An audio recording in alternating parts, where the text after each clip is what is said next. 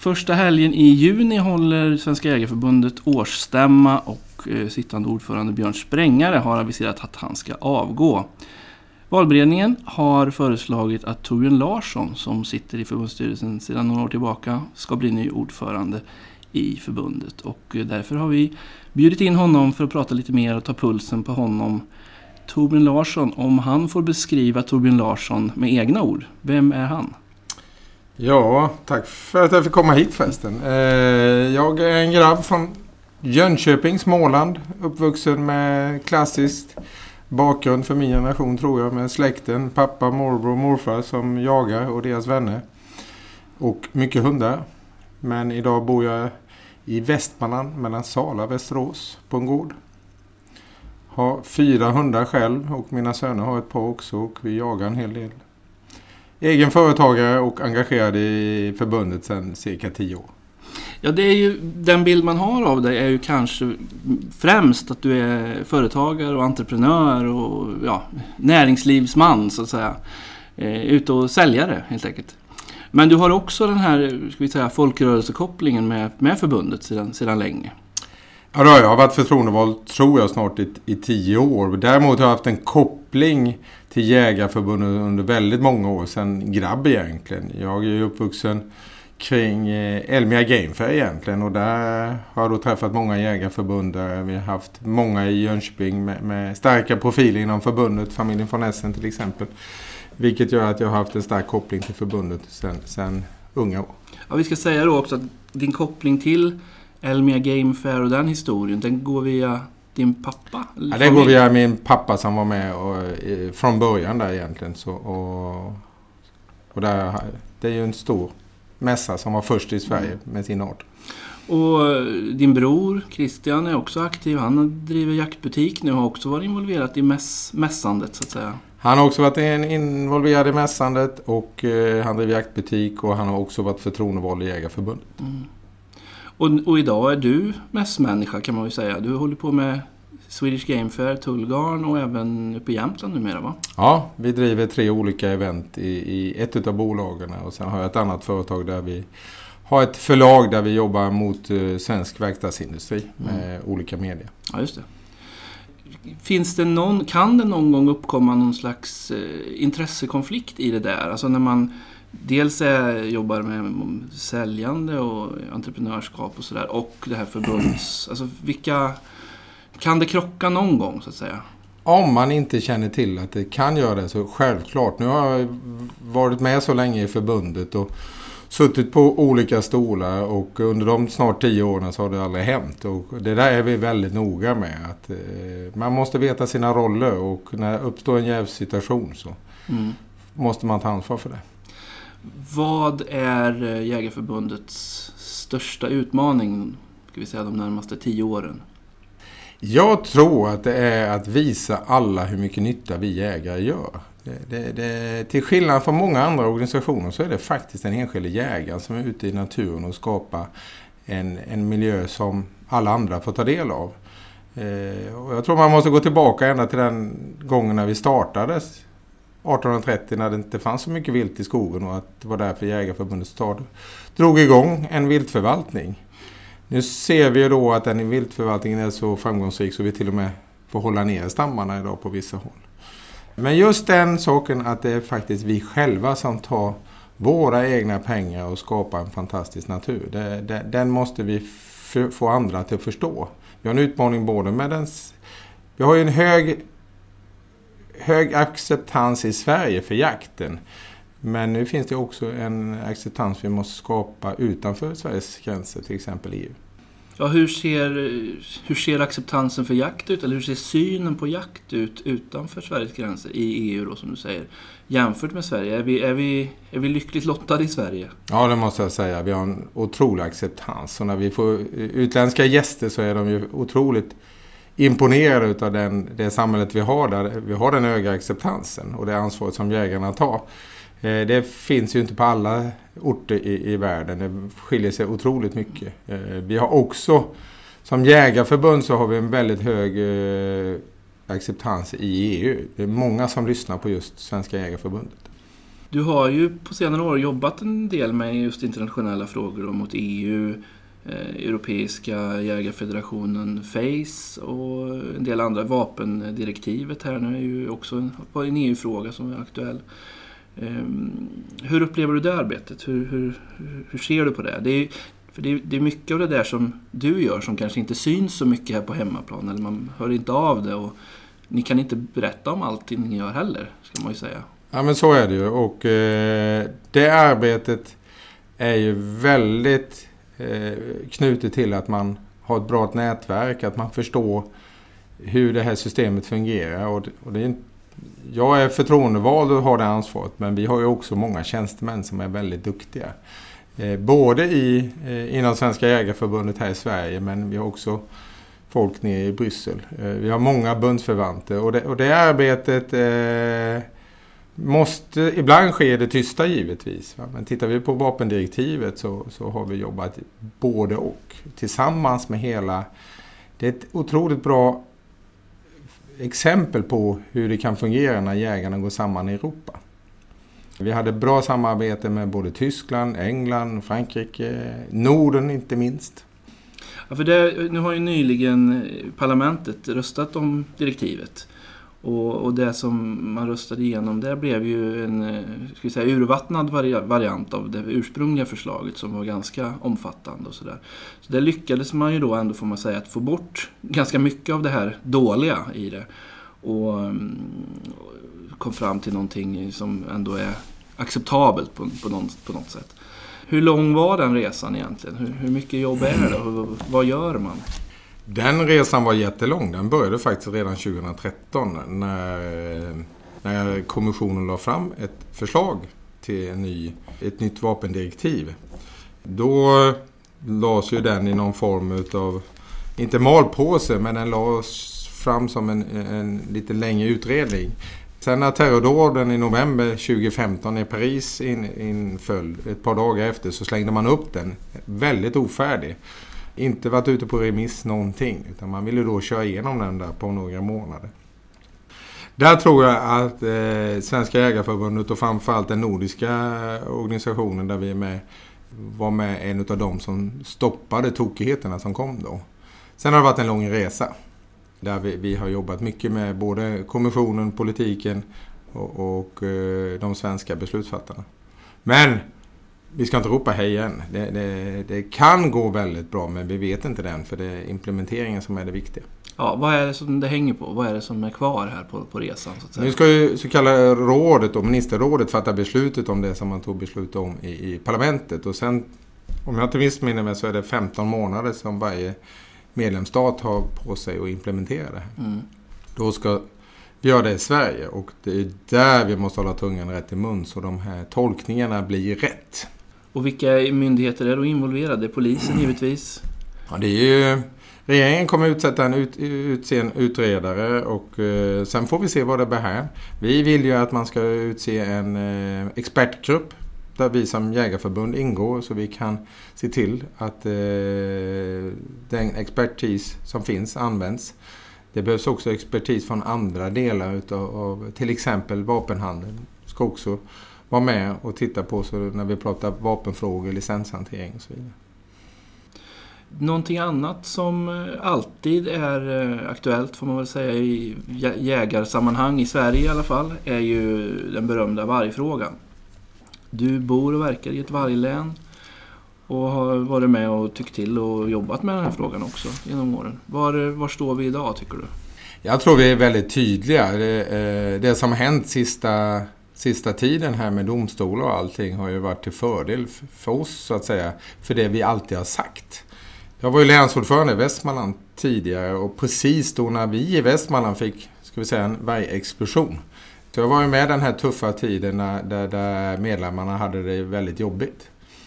Och Jägarförbundet hade det jobbigt då faktiskt. Sen fick vi en tydlighet. Och jag tror på något sätt så eh, måste man hantera både och. Dels den här eh, ilskan från de som drabbas av varg. Och samtidigt försöka lösa frågan. För lösa, det är ingen quick fix. Vi har hamnat i ett läge där vi faktiskt kan se att, att vi, det kan bli bättre. Därmed är det inte sagt att det är bra. Men man ser vägen framåt lite grann tydligare nu kanske? Eller? Ja, jag, jag tror det. Liksom, det är definitivt en stor skillnad sen det var tidigare. Jag kommer ihåg den första vargjakten. Jag satt strax innan jul där och skulle avsluta allting med mina företag. Och eh, jag tror jag satt i över 20 dagar och pratade varg varenda dag. Jag kunde inte jobba som länsordförande med mina, mitt eget arbete utan det var journalister, det var medlemmar, det var våra motståndare om vi kan kalla dem så, det var alla. Så är det inte idag. Idag har vi, eh, det är fortfarande lika allvarligt men det är mer en, eh, ska vi säga, ett, ett, ett förstånd att vi kan faktiskt diskutera frågan. Vad har varje frågan kostat för Jägarförbundet över tid? Jag tror inte man ska se det så, för jag tror att det var kaos i början där. Det, det håller jag med om. För det var, jag har alltid hävdat att vi har en, en vargpolicy som, ska vi säga så här, politiskt sett är, är riktig. Det är inte alltid kanske man ska vara politiskt korrekt, men i början var den tuff att kommunicera. Idag tittar vi på den policyn som vi la upp så har vi börjat närma oss den. Och det tror jag är rätt viktigt. Och den innebär i korta drag alltså? Det, det, är ju att eh, vi ska ha max 150 vargar och eh, de ska vara spridda över hela landet. Och eh, den ska, vi ska besluta om vargförvaltningen lokalt, regionalt. Mm. De som drabbas är de som ska besluta. Mm. Punkt slut. annars kommer vi aldrig kunna hantera varje fråga. och det här tror jag på något sätt, ska man vara en stark långsiktig organisation som, som medlemmarna kan ställa sig bakom då måste vi också reda ut sådana här saker. Vi eh, måste vara tydliga. Jag tänkte på det här förra veckan, apropå vapen och vargar.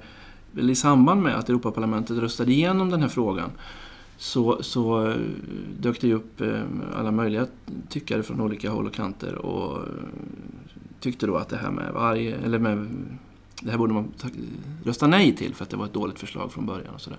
och då fick ju Europaparlamentets moderater ganska mycket skäll kan man säga. För att de var ju med och kompromissade i det där och jobbade med att vattna ur förslaget om man nu kan kalla det för det.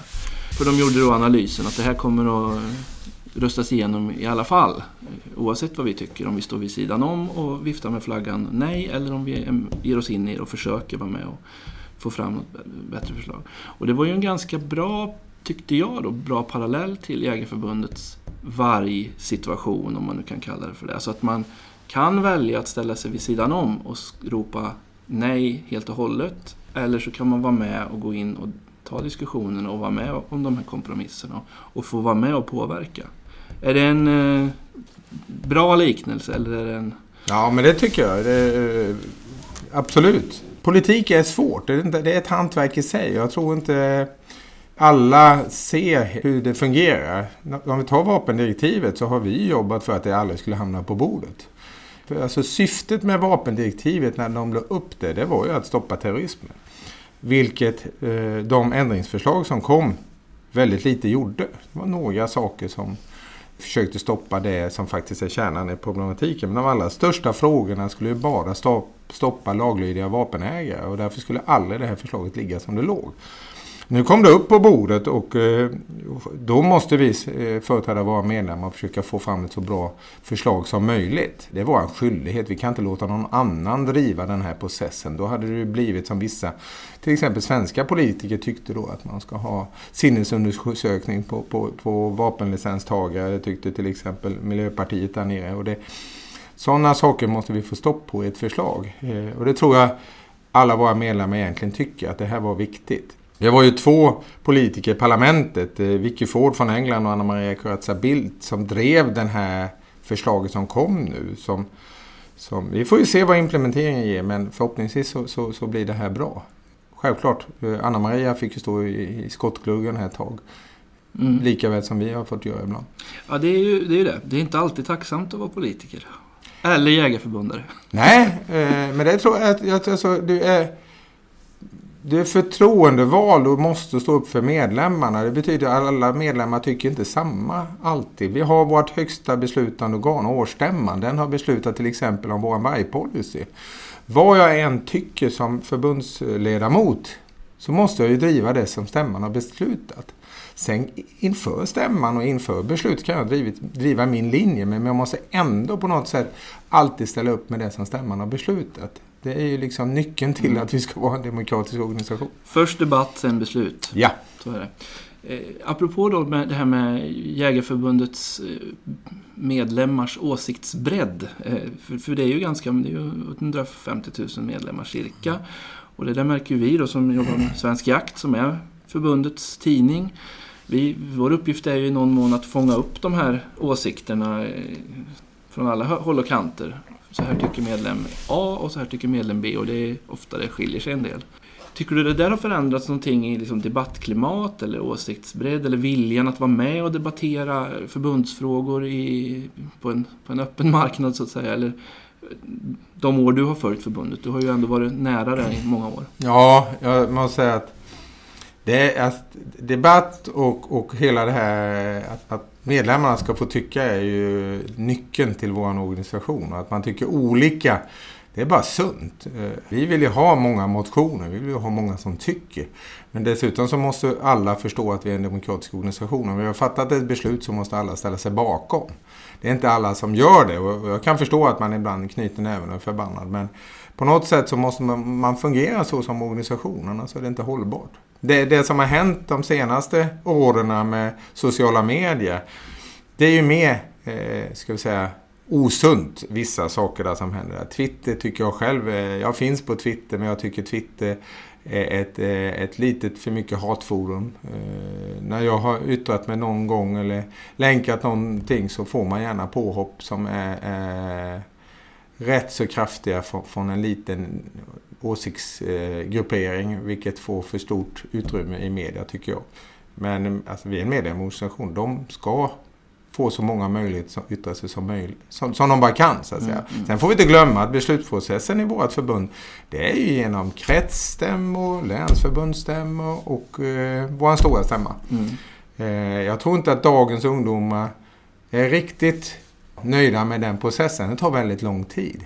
Men ska man vara en demokratisk organisation då ska det också ta tid. Man ska inte skapa förändringar för fort.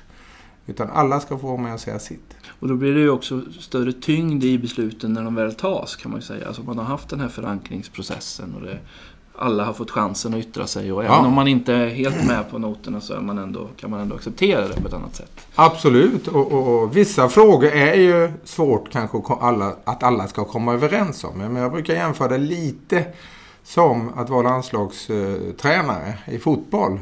det finns olika sätt att spela, sätta upp laget men eh, man har samma mål och det är, det är faktiskt att göra mål. När stämman har tagit beslut och styrelsen fattar beslut hur vi ska nå målen, ja, då kör vi med våran taktik. Är man inte nöjd med den ska man givetvis göra sin röst hörd och försöka ändra den taktiken eller byta ut oss förtroendevalda. För vi, vi har fått ett förtroende att leda, det får vi heller inte glömma. Eh, som förtroendevald måste man leda, man kan inte låta sig ledas. Utan medlemmarna förlitar sig på att du faktiskt driver deras frågor. Du nämnde sociala medier och kommunikation i största allmänhet. Hur bra är förbundet på kommunikation? Om vi jämför benchmarkar så tycker jag nog att vi är väldigt duktiga. Vi, vi, eh, vi har vår egen tidning som är aktiv. Vi, vi är många ute på sociala medier. Vi, vi kan se att vi gör vi gör skillnad på sociala medier. Men därifrån och från att titta på vad som är möjligt så har vi långt kvar. Det får vi inte glömma utan man får inte sätta sig och slå sig för bröstet. Det finns de som är bättre. Så är det. Vi måste bli bättre på allt hela tiden. Det är en utmaning att försvara jakten. Och mycket av den utmaningen ligger faktiskt i att vi ska klara av det på sociala medier. Ja, nej men alltså det har ju blivit på, på senare år, den här verkligheten du beskriver med, den har ju både upp och nersidor så att säga med, med hat och hot och hårda ord, ord och så vidare. Kampanjer av olika slag. Men också ett, ur någon demokratisk synvinkel så att alla, alla kan publicera sig och göra sina mm. åsikter hörda och så vidare. Vilket ansvar har den enskilde medlemmen, den enskilde jägaren i det här? För vi pratar ju ofta om vad, vad förbundet kan göra för, för jägaren, så att säga. Vad kan, vad kan den enskilde jägaren bidra med om nu han eller hon inte har den tid som krävs, som han eller hon tycker krävs för att eh, engagera sig för förtroendeuppdrag. För det tar ju också tid och det, tid blir en allt mer dyrbar vara i, i dagens samhälle. Va, va... Ja, men det är vår stora utmaning och det får varje medlem att engagera sig i de frågorna vi driver. För det är då vi blir starka och jag känner att det gör vi. Nu låter det som vi bara pratar svårigheter och våra utmaningar. För vi har många tuffa utmaningar men vi glömmer också väldigt ofta att tala om hur nöjda våra medlemmar eller jägarna är. Alltså, tittar vi i omvärlden så är det väldigt, väldigt bra i Sverige. Det är ingen tvekan om det. Vi har otroligt mycket vilt att jaga. Vi har ett väldigt stort förtroende från samhället. Så det är mycket positivt. Men vår utmaning som förtroendevald är faktiskt att få varje medlem att engagera sig. Att, att vara där ute och berätta hur bra det är, hur mycket vi som jägare utför i naturen. Eh, eh, allting. Eh, vår produkt är ju dels viltkött som är det klimatsmartaste du kan äta. Där kan vi vinna mycket. Vi, vi, vi skapar biotoper som vi är väldigt dåliga på liksom, att berätta om faktiskt. Va? Vi har många andra saker som vi kan bli mycket, mycket, mycket bättre på. Jag drivs just nu av en tanke att vi borde jobba mycket, mycket mer med andra produkter, inte bara viltkött. Vi har ju pälssidan där, där vi faktiskt slänger en massa saker för att ingen vill köpa det, för att våra motståndare har lyckats där. Det är faktiskt någonting vi borde ta tag i. Mm. Eh, att inte köpa så mycket syntetiskt material från andra sidan jordklotet utan faktiskt ta vara på det vi har i större utsträckning. Bära päls med stolthet. Absolut, och, och eh, från vilt. Eh, mm, mm. Jag hoppas våra rävpälsar kommer tillbaka. Det är häftigt. Jag tror väldigt få vågar bära en vargpäls idag, vilket är väldigt synd. Jag glömmer aldrig när jag, jag tillsammans med dåvarande förbundsordförande Torsten Mörner skulle åka ner och försvara våran tanke kring vargförvaltningen och vi står på Arlanda och det kommer en ung kvinna med en jättestor fin vargpäls. Eh, och jag frågade var hon fått den ifrån och ärvt den. Stolt säger hon då från sin mormor. Mm. Självklart ska vi komma dit. Det är den bästa produkten du kan bära som klädesplagg. Du var engagerad i eh, projektet Viltmatprojektet för några år sedan ni började på länsnivå i Västmanland och, sen fick det där viss spridning över landet och så har det rullat på i andra former kan man säga och blivit lite nya projekt som har uppstått här och var. Vad, du nämnde ju det förut, vi kan, vi kan göra mer. Finns det någonting där som är direkt i, i pipelinen för, för tillfället som man kan se? Alltså, vi, mat verkar ju vara någonting som bara växer. Jag kan inte förstå hur det växer så, men, men det gör det. Och det är ju matprogram hela tiden på TV. Där måste vi fortsätta att jobba. Det är ett, ett otroligt bra sätt att tala om för folk och samhället vad det är vi gör. Och det är lätt att komma in i, i restauranger, i skolor. Och folk förstår vad vi gör. man märker ju ofta bland eh, professionella matmänniskor, kockar och sådär. Så där, där, finns det ju generellt sett en helt annan förståelse än hos, ibland i allmänheten för det här med viltkött och man uppskattar verkligen. Det, det märker man ju tydligt när man pratar med duktiga kockar. Liksom, att ja, ja och, och jag tror att vi ska inte rädda sig att vi är köttjägare för det, det, är, det är det bästa köttet du kan få tag i. Och jag hade faktiskt en av dina kollegor på Svensk Jakt eh, på besök i, i mitt jobb och då pratade vi just viltmat och jag hade en av absolut Sveriges bästa kockar där. Och när, när, när journalisten frågade vad, hur han såg på viltet, då sa han när han, när han hade skjutit ett vilt så det som låg på backen, det vill säga köttet, det var hans trofé. Han kunde genast reflektera i hur han skulle hantera detta och använda det i sitt, sitt jobb. Eh, och det är rätt så häftigt när man ser att, att man kan se det på ett annat sätt. Vi går tillbaka lite grann till politiken. Du är ju gift med Jessica Polfjärd som är gruppledare för Moderaterna i riksdagen. Finns det en eh, risk att eh, Jägareförbundet blir förknippat för mycket med ett visst parti eller en viss politisk inriktning på grund av det? Nu säger jag inte att dina politiska åsikter ligger i den riktningen per automatik. För vi har ju frihet med sånt här i det här landet. Men, förstår du vad jag menar? Självklart, det finns eftersom situationen är som den är så finns det ju risk och det är en del säkert som tror det. Jag skulle aldrig kunna verka i det här förbundet om jag läckte någon information. Och det är likadant med, med, med, med hennes situation. Att hon kan ju inte läcka till mig. Det, det blir rätt tydligt var det kommer ifrån. Jag har mina sympatier någonstans men när det gäller som jägarförbundare så, så jobbar jag med dem som vi kan påverka för medlemmarnas bästa. Jag jagar till exempel med, med alla sidor.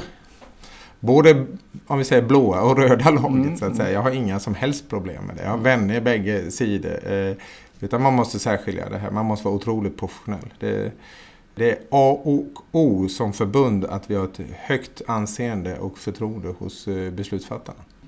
Ja, För man har ju annars på senare år, tycker jag, då, så kommer man stå lite vid sidan och betraktar saker och ting. Och då, eh, jakten den är ju i grunden förknippad med, med så att säga, markägandet och äganderätten. Och nu har ju varit mycket sådana frågor på senare år med den, brukandet av naturen, vad har vi rätt till och, och kopplandet, kop, eh, kopplingen till ägandet. Vi har ju haft en eh, viss debatt om det här med skogen nu, det är en utredning som är igång och titta på det. Där har varit uppe frågor om inskränkningar i äganderätten och sådär. Så överhuvudtaget de här naturbrukarfrågorna, om man nu kan kalla det för det, alltså det här jägare och skogsbrukare och lantbrukare och så vidare. Det tycks mig ju som att det finns en hel del gemensamma intressen för den, de gröna näringarna, om man nu kan kalla oss för det. Ehm, finns det några vägar framåt där som du ser och finns det arbete att göra även där? Ja, absolut. Vi, vi eh, har så mycket gemensamt att vi borde kunna utveckla ett samarbete med alla gröna näringar. Vi, vi ska jobba ihop och inte mot varandra. Det är jätteviktigt. Och, och vi har ju tagit några steg i det här. Handslaget med skogen till exempel. Jag tror att vi kan gå mycket, mycket längre. Vi ska titta på det som förenar oss och sen är det vissa saker som vi inte är riktigt överens om. Men låt oss ta det också då. Mm. Men det är mer som förenar än inte förenar oss. Och, och det är viktigt. Framförallt i framtiden när vi... Jag brukar prata om att vi delar upp... Vi, vi ser många frågor där man delar upp det i stad och land. Och det är inte bra för det här landet. Det är stort.